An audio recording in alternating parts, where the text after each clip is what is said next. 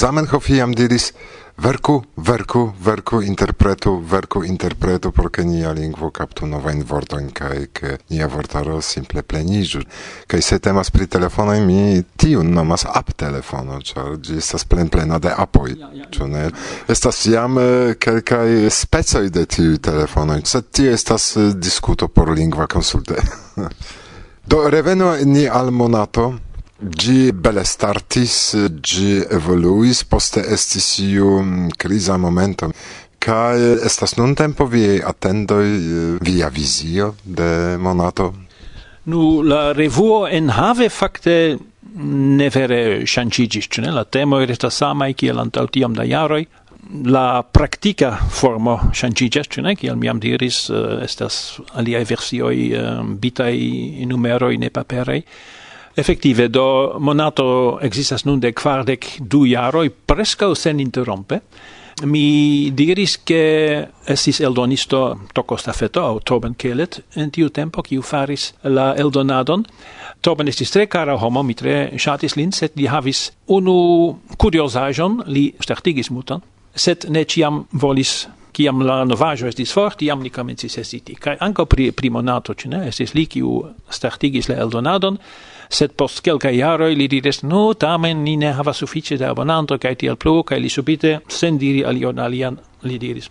Mi resignas kaj Stefan Maul tiama redaktoro jam anoncis en la refuo ke monato baldo mortos ĉar la eldoneo ne plu riskas eldoni ĝin sekve de tio novaĵo fakte venis lavango da leteroj ke oh tio estus granda perdo kaj tio ne raitas esti kaj tiel plu kaj ne devus trovi eh, uh, solvon do estis amaso da subteno set subteno per vortoi, ne, ne? Niu diris oh jen mi volas transpreni la aferon. Tamen en iu momento la tiama presidente de UIA, Gregor Martens diris no bone ni ciu scias che manatu devus vivi set nenio falas li aligi tion, mi insistos che UEA transprenu la eldonadon de monato. Tio estis unu ideo, sed la practico estis iom alia, char memore in tiu tempo, tio estis ancora la tempo de la sovietia periodo, kai monato estis revuo kiu parolis pri cio, anca pri politico. Do, ciu revuo, eldonate de UEA, raitus ancora ion kritiki, exemple, pri sovetio. Ĉu ne?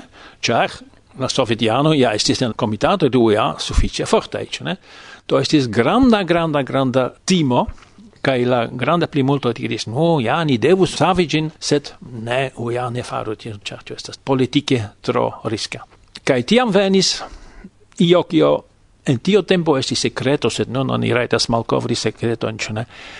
Tiam oni diris nu bone UEA donucin ĝin sed neniu siu. Praktike vi Flandroj, vi en Antwerpeno, vi diru ke Flandra Esperanto Ligo eldonas ĝin, sed la risko estas poruja, do ni praktike eldonas, sed vi faru ĝin.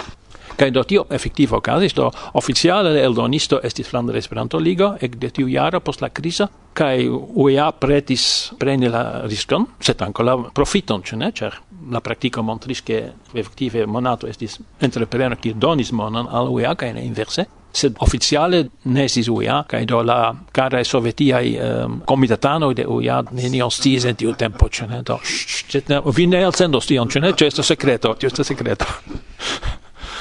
estus granda perdos eh, monato perdus sendependeson kaj ne povus esti libera do samaj timoj havis eh, iam Ada Figera Sikorska. Ŝi diris kiam mi ĉesos okupiĝi pri Heroldo ĉu iu alia kiu transprenus la aferon garantios sendependecon de Heroldo de Esperanto? Kaj la vivo provis che si pravis, ĉu ne? Kion vi sentas kiel ĉefredaktoro, ĉu vi havas invizion, ĉar mi lernis en vivo ancau kiel esperantista activulo, che sen vision nio realigios. Do ni havos ion bakitan kadavron, kies existon ni povas iamaniere konservi, sed ne floros la aferon. Kie estas via visio pri monato? Nu, effektive, mi estas la uh cefa respondezulo kaj la cef redaktoro de tiu kio la bakita kadavro o oh. ja ja Nu, ehm, um, effektive mi ofte pripensas tion, ĉu ne?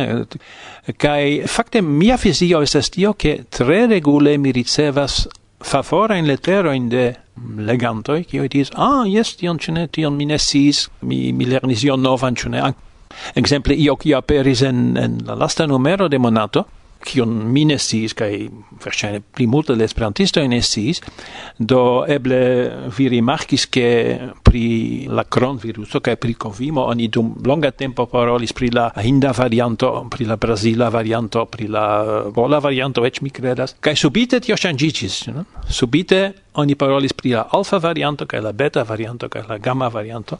Kaj ĉu vi scias kial? Ĉar iu esperantisto iniciatis tion diris tio estas malbone, tio donas malbone impreson che quasau la brasilanoi culpus pri tio, ce ne? Oni ne plu parolo pri brasila varianto, kai li proponis al Monda Organizita pri Sano usi la forma in alfa varianto, beta varianto, kai tiel plu, kai tio effektive okazis, ce ne? Subite en radio kai televido ciu parolis pri la gamma varianto, ce ne? Kai neniu, kai neniu diris kiel tio shangigis, ce ne? Sed tio estis danke al Esperanto fakte, ce ne? Ki tio okazis. Kai tion vi povas legi en la, pensas en la oktobro au novembra numero de la de tiu ci jaro. Estis alia visiulo, nomigis Flavio Rebelo, Mi rencontigis con li, ec mi havas interviuon, cion mi ne publicigis, set uh, eh, iam mi publicigos gin, Temis pri internazia televido in Brasilo, kai tiam estis granda bona fakte retejo Giangalo, nomigis, kaj multaj homoj uzis ĝin, eh, kaj li turneis ĉirkaŭ tuta mondo, rakontis pri internacia televido. Mi intervjuis lin kaj donis kelkajn demandojn al li, kaj poste diris Flavio, via vizio estas nereala tute crei BBC en Esperanto versio, ĉar vi pri tio celas, tute ne eblas, ĉar vi ne trovos raportistojn tiel lingve alt kvalite ke vi havu bonan materialon. Do estas jam eh, en la koncepto fusha penso, ke oni povas trovi tiom da raportistoj sen page, ĉar BBC pagas kai homoj volontule ne laboras unue due ke ne multaj regas kvalitan Esperanton. Ankaŭ io tio koncernas monaton vi bezonas raportistojn sufiĉe taŭgaj ke varbos interesiĝon. Kiamaniere vi solvas tiun problemon? Nu, efektive la kvalito de la tekstoj kiun ni ricevas tre varias, ĉu ne? Foj, foje mi ricevas tekston, kiam mi diras, ne bone, mi povas simple transdoni ĝin al la composteo, ce ne? Oni devas nenion ŝanĝi, neniu eraro, ĝi estas havas logikan strukturon, ĝi estas bela kaj tiel plu. Foi foia venas texto pri kio diras bone la ideo estas en ordo, sed oni devas vere tute re strukturi tion, ĉu ne? Kvazaŭ rekomenci de nulo. Do ni havas, mi kredas, kiam mi last foi calculis ni havis sencepdek diversajn kunlaborantojn in la tuta mondo. bedorinde en iu lando esas ni ne diru tro, sed estas plurai en alia lando tutte ne estas. Uno e la base principio de monato estas che nur persona che loĝas en iu lando rajtas raporti pri ĝi, loĝas aŭ de longa tempo loĝis, ĉu ne? Tio estas bela principo, sed ekzemple tio signifas se ni volus scribi ion pri Palestino, ĉu ne? Ne estas la mia scio esperantisto en Palestino, do ni iel automate neglectas iun lando parton, ĉu ne? Pri Israelo ni povas skribi multe, pri Palestino ne. Tio okazas pri pluraj regionoj, ke okazas io, sed ni ne trovas surloke iun esperantiston. Tio estas unu el la kialoj kial antaŭ unu jaro ni starigis tiun konkurson, tio nomiĝas konkurso por nova ĵurnalisma talento. Ni do provas trovi aŭ instigi homojn en diversaj regionoj de la mondo skribi pri la politiko de sia lando, pri kulturo de sia lando aŭ iajn. Kaj ĝis nun alvenis eble dudek ĝis tridek kontribuoj de novai personoi kiu uni tutte ne conis sed ili tamen diversa diversaj voio atingis ni. caido do ili povas man premio in fakte estas iu eh, mecenato, mineretes diri lia nomon, sed kiu donas monon por tiu fonduso, kai do la homoj in nur venas en kontakto kun monato kaj povas verki, sed po povas gaini iom da mono, ne? Do tu estas tre tre uh, favora evoluo non Do bone, ŝajne cion ni. Paul, dankon pro la intervjuo, pro la rencontigio, pro trovo de tempo malgrau timo venis citien, char ni renkontis tion kai en Nederlando duon jaron antaŭe kaj nun en Belgio ni malkovras tion ke ne ĉiuj deziras renkontiĝi pro simpla timo ke ili infektiĝos. Ni esperu ke la tempo finiĝos baldaŭ, almenaŭ pos unu du jaroj, ĉar tio ankoraŭ daŭras. Mi deziras sukceson al monato. Eh, e Koran dankon pro la rencontigio. Yes, kai mi dankas pro la invito. Effektive mi iom timetis, kvanka mi estas vaccinita, eĉ du foie, ĉu ne, tamen ni ne plu kutimas iri surstrate, ĉu ne, sed mi tamen gioias, ke mi estis tie ci, kai mi gioias, ke mi rencontis vin kai varsovian venton. Se temas pri varsovia vento, oni devas aldoni. Bla, bla, bla.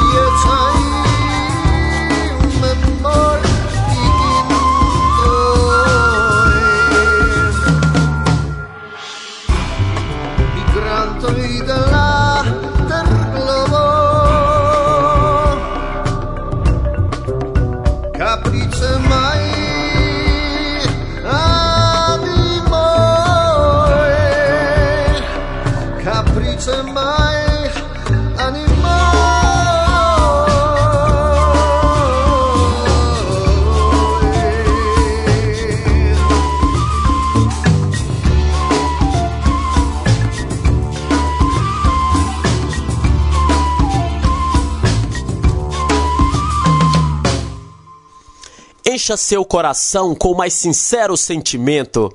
Você ouvirá agora Varsovia Vento. Saluton.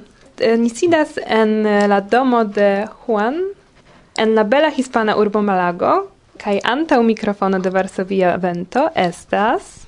Ángel Arquillos, una presidente de Jef, Hispanio, kai eh, hazarde mi cis pri Gosia, kiu volis intervjui min, kaj mi volonte, do mi estas prezidanto de Hispana Esperanto Federacio nur antaŭ unu jaro, sed mi ankoraŭ ne havis la okazon paroli rekte kun la membroj de federacio pro la pandemio.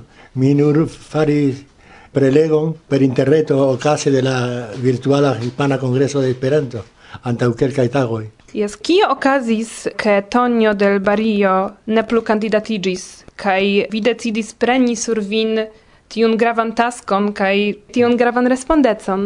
En la sama tempo kiam Tonio del Barrio estis prezidanto de Hispana Esperanto Federacio, mi estis la vicprezidanto kai pli mal pli pro tio mi prenis la posteno. Li estis naŭ jaroj tro da tempo kiel de, de Hispana Esperanto Federacio.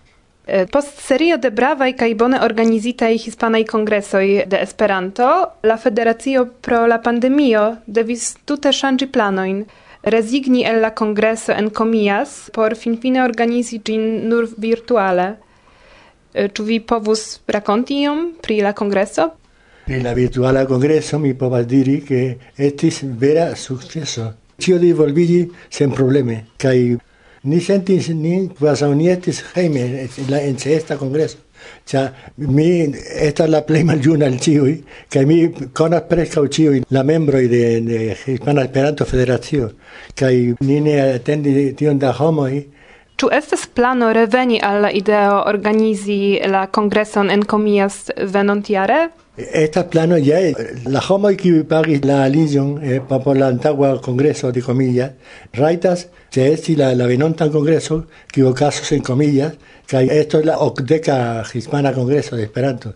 Do neti mutiu que jam pagis la aligion, raitas se es se pague la venonta congreso. Oh, bone audi, char mi estas tiu persono kiu pagis kai fakte mi komencis lerni Esperanton ĝuste tiatempe kai Congreso en Kamias, mi planis ke tiu estas mia unua congreso de Esperanto. Do Ĉu ĉu vi planas ĉeesti la kongreson de Jes, mi planas ĉeesti ah, ĝin. Ah, bonege, vi estos bonvena. Dankon. Eh, nun mi havas demandon pri eh, la agado de la Hispana Esperanto Federacio. Do kiuj sukcesoj aŭ malsukcesoj valoras mencii? Se temas pri la agado de la Hispana Esperanto Federacio. Eh, pro kio vi fieras? Um, pro kio eble ne tie? Mi fieras pri la estraro. La homo kiu estas en la estraro esas tres laboremai. Chefe la secretario. Mi nur diras ion kaj li rapide preskaŭ obeas, ĉar li estas tre bonkora homo, kiu pretas kunlabori en tiu momento, mi ankaŭ ricevas konsilojn. Ĉar ne estas la unua fojo ke li estas sekretario de Hispana Esperanto Federacio, kaj tio estas avantaĝo. Do, mi estas tre contenta con li, li nomiĝas Manolo Parra, multaj homoj en la mondo konas lin, do, la afero marsas tre bone kai pri multe pri la agado kion vi planas fari? Por momente estas tre rapide diri ke mi plana fari, ĉar ni ne scias ĉu la pandemio revenos, ni, ni, ni ne planas multe, ĉar mi loĝas en Malagua. Mi ne povas propone ion, ĉar mi ne povas iri al Madrido. La loĝantoj de Madrido laboras kaj prezentas librojn kaj tradukojn de librojn en diversaj lokoj de Madrido. La prezidanto estas en Malago, sed ne estas necesa en Madrido. Eh, Do vi salutis vian sekretarion, eble vi ŝatus komuniki ion plu al la hispanaj esperantistoj kaj eble sekve al la esperantistaro de la tuta mondo.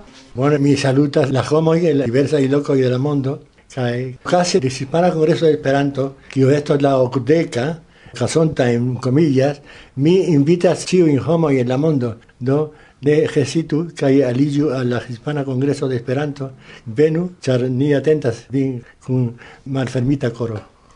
Do ni havas ankaŭ la duan gaston. Mi nomiĝas Juan, saluton, mi loĝas en Malago kaj mi estas esperantisto de antaŭ dek kvin jaroj kaj estas plezuro respondi la demandojn de nia hodiaŭa ĵurnalistino. Eh, do Juan ne nur partoprenis eh. la unuan en la mondo triopan kongreson de Esperanto kiu okazis en Malago en 2019, sed li ankaŭ kun organizis ĝin. Yes, ni estis eh, kvin homoj ene de la loka kongresa komitato Ángel Arquillos, la presidento de, de Andalucía Esperanto Nuillo, lia, mm, lia edzino mi kaj du aliaj homoj. Kiel trio paĉas estis la kongreso kune de Hispana Esperanto Federacio, de Andalucía Esperanto Nuillo kaj de IFEF. IFEF estas la Internacia Fervojista eh, Esperantista mm, Federacio, yes. eh, kai venis multai homoi el diversai landoi eh, entute pli ol eh, cent eh, quindec eh, homoi mi pensas ec pli dum optagoi kai poste ne iris al Maroko por eh, escribi taga excurso kiu estis granda successo ni estis quardec quin homo yes. Ni prenis shipon transiris la marcolon kai estis el la nordai eh, locoi kai eh, urboi de Maroko Kaj de kie venis tiu ideo organizi la triopan kongreson? Kune? Mi ne bone memoras pri tio eh, dum antaŭ kelkaj jaroj oni parolis pri la mm, ebleco organizi ĉi tie en Malago la kongreso de IFEF de Internacia Fervojista Esperantista Federacio. Kaj do poste okazis ke oni ne sciis kie organizi la Hispana Kongreso tiun jaron kaj finfine oni decidis eh, fari tion kune. Kaj ankaŭ okazis ke Andaluzia Esperanto Unuiĝo ne organizis kongreson dum du tri jaroj do finfine ni decidis fari tion cune. Kai tion ni faris. Estis grandega peno, cer finfine granda successo por ciui. Estis grandai, grandai eh, spectacloi de cantistoi, orchestoi, tistoi, actoroi, em ocasigita en tre bela construajo en Malago la seminario, kiu estas grandega eh, aro da, da, da construajoi, Nuntempe estas hotelo kun belegaj restoracioj kaj ĝardenoj kotopo. Kiam estas tiel multe da homoj kun diversaj ideoj en la organiza teamo, ĉu tio helpas aŭ malhelpas organizi la kongreson, la aranĝon? Kelkfoje tio estas problemeto. Tamen finfine eh, ĉiuj tiuj diversaj ideoj eh, kuniĝas kaj la fina programo estas pli varia, pli bunta, kun multaj malsamaj ideoj kaj finfine mm, Bueno, mi pensas que tio estas bona afero havi multajn malsamajn ideoin. Ok. Eh, uh... Saluton al ĉiuj aŭskultantoj. Jes, ankaŭ mi volas saluti ĉiujn aŭskultantoj de Varsovia Vento. Kaj ĝis baldaŭ, bueno, ie ajn. En la verdejo de Irek. En la verdejo de Irek. de Irek. Dankon. La ordena vortaro plaĉas al mi, la sistemata dio plenigas min per giuo.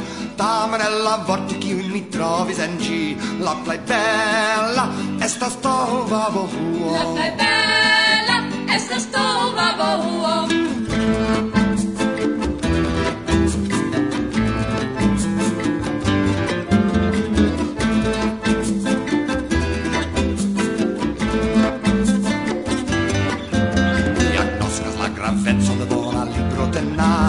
declara sistemo por kai kaj fakturoj tamen alia propra administra nur aplikiĝas unu vorto do vabohuo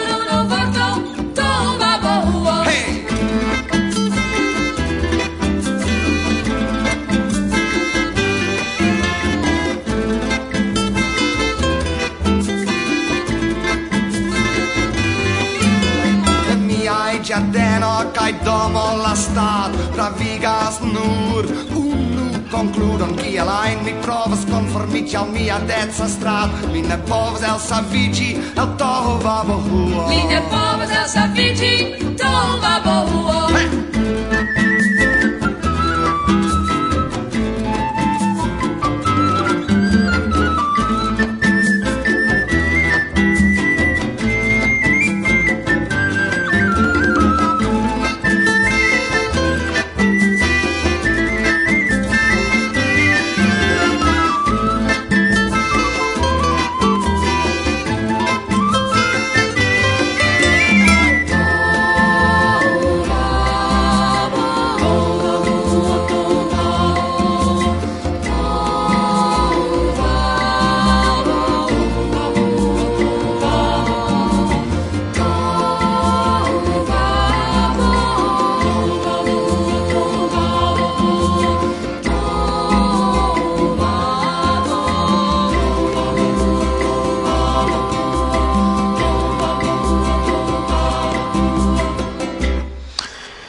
ne successis al ni rencontigi dum ciam mi estis en Hago, sed eh, bedaurinde sen kavo sur la tablo inter ni. Tamen ni rencontigas microfone non ne. Almeno tia maniere, helpe de la reto. Saluton, cara! Saluton, Irek, kai dankon pro la invito denove esti intervjuata de Varsovia Vento.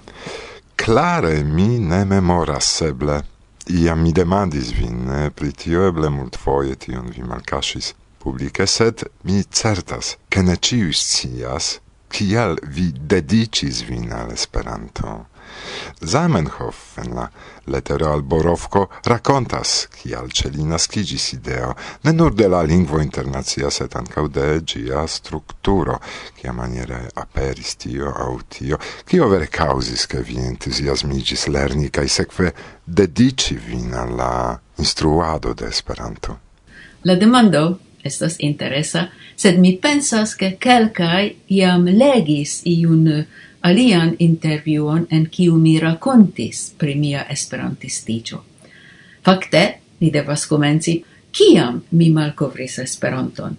Mi estis circau ses sepiara, kiam iu onclino visitis nin, kai ciu hazarde, ciu conscie, forgesis Esperanto libron ce nia heimo. Gi estis la unua volumo de Esperanto lerno libro de Istvan Serdahei. Suffice colora, kun multe da bildoi, illustrajoi, do allogis compreneble infanon, kia mi estis, kiu voris la libroin. Kaj tiam mi exis pri Esperanto, sed fakte ne lernis cin, Versaine mi ne memoras, la patro resendis la libron al la sed miam havis almeno la informon pri tio, che Esperanto estas iu lernebla ciu lernenda lingua. Post calca iaroi, nia instruisto en la elementa lerneio, Andra Zöld, kio signifas Andreo Verda, instruis al la tuta classo iun frason. Sano ne estas cio, sed sen sano cio estas nenio. Cai tiun frason ni devis diri al li ciu matene post la dirajo eh, bonan tagon, compreneble en la hungara, sed pri la signifo de tiu mistera fraso ni havis neniun ideon. Ni ne sciis en kiu lingvo ci estas, ni havis neniun ideon pri cia signifo. Sed ni diris kuruse dum jaroi. Kai fakte mi culpigas tiun signoron, ke li ne rakontis al ni en tiu slovak minoritata hungara vilaĝo pri ekzisto de Esperanto.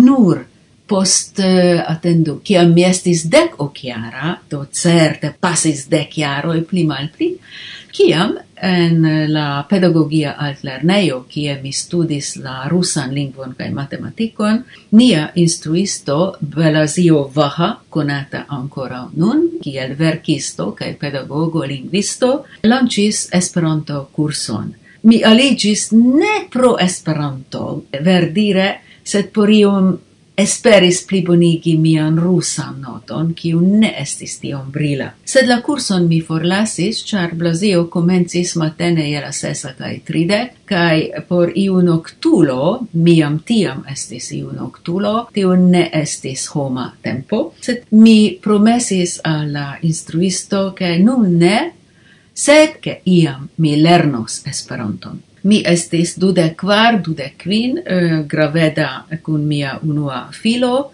cusanta en hospitalo, kai rinde post monato da cusado, en la lasta monato mi memoris che mi iam promesis lerni Esperanton, do mia edzo eh, akiris la libron dum 30 tagoj en Esperanto, kaj mi havis ĝuste eh, laŭ la prognozo 30 tagojn eh, ĝis la nasko. Mi fin studis la libron en eh, 1981 en oktobro, kaj jam en decembro aŭ januaro sekvantjare mi sercis classon en la lerneio kai comencis instruigi. Fascinis min la logica strukturo. Mi estis matematicisto, do la derivado, la creado de vortoi fascinis min pleje. Mi tui instruis, mi tui volis pludoni tiun eblon, kai nun vi povas demandi kiui estis la granda ideologioi, ne, simple kiel instruisto pri la rusa lingvo, kiu konsciis pri la malfacileco de la alfabeto kaj lernado de alia skribsistemo, la declinacio, la konjugacio, la tabeloj kaj ĉio tiuj komplikaj aferoj, kiuj mi devis transdoni en la klaso, fakte eh, montrigis extreme malfacilai compare alla simpla cae logica esperanto, cae tial en la lerneio fakte mi lancis Esperanto kurson al tiuj kiuj lernis ĉe mi la rusan kaj Esperanto estis por ili la premio. Kai poste en la pedagogia altlernejo en Sumbate kie poste mi laboris kaj kie mi ne studis Esperanton kun Blazio mi lancis Esperanto fakon kaj dum du foje tri jaroj funkciis Esperanto koresponda Esperanto fako tie finis sian studoin exemple ec nun konata cae activa Josefo Nemet, la redaktoro de Iporo, cae kelkaj aliai. Mi ciam sentis iun extreme grondan allogon al Esperanto, al la movado, cae tiam en Hungario, kie mankis voyage ebloj, Fakte Esperanto donis al mi eblon vojaĝi al okcidentaj landoj kiel Francio. Mi ĝuste antaŭ kelkaj tagoj por iu alia celo provis nombri en kiom da landoj mi gvidis jam kursojn kaj estas pli ol tridek. Esperanto fakte farigis la plej granda instru aŭ lernmaniero por mi pri la mondo pri geografio, pri historio, pri politico, pri etnologio, char voyagiante cae havante Esperanto amicoin, vi lernas pri la mondo. Kiu ajn okazas en la mondo, oni diras katastrofon au bonan novajon, nuntempe plejparte katastrofojn, Mia unua penso estas compreneble krom la compato, kiwi esperantistoi estas kiwin mi konas tie kaj kiwin mi devas kontakti kaj kontroli ĉu ĉio estas en ordo. Do Esperanto jam en infanaĝo, junaĝo estis por mi fenestro por la mondo kaj restis tio bonŝance. Reklamo Luminesk estas novjara rencontigio de la Germana Esperanto-Asocio. ci ocasos la sepan foion kaj farigis posteulo de la iamai internaciaj festivaloj. Compare cun aliae noviara rencontigioi, gi nestas iunulara, nec familia, se gi celas plencresculoin, ciui volas comune iom pli luxe festi noviaron. Cutime tie nece estas infanoi. Ocasos luminesc en Münster, Ni ofertos varian kaj altkvalitan programon, lingvokursojn, prelegojn kaj diskutgrupojn, ekskursojn kaj distrajn programerojn. Pro la cronviruso estos versaine iom malpli da partoprenantoj, sed mi persone garantias vin ke mi faros cion ke vi ne enuos. Pli da detalojn vi trovos en la priskribo. Parolis Yves Nevelstein, bla bla bla.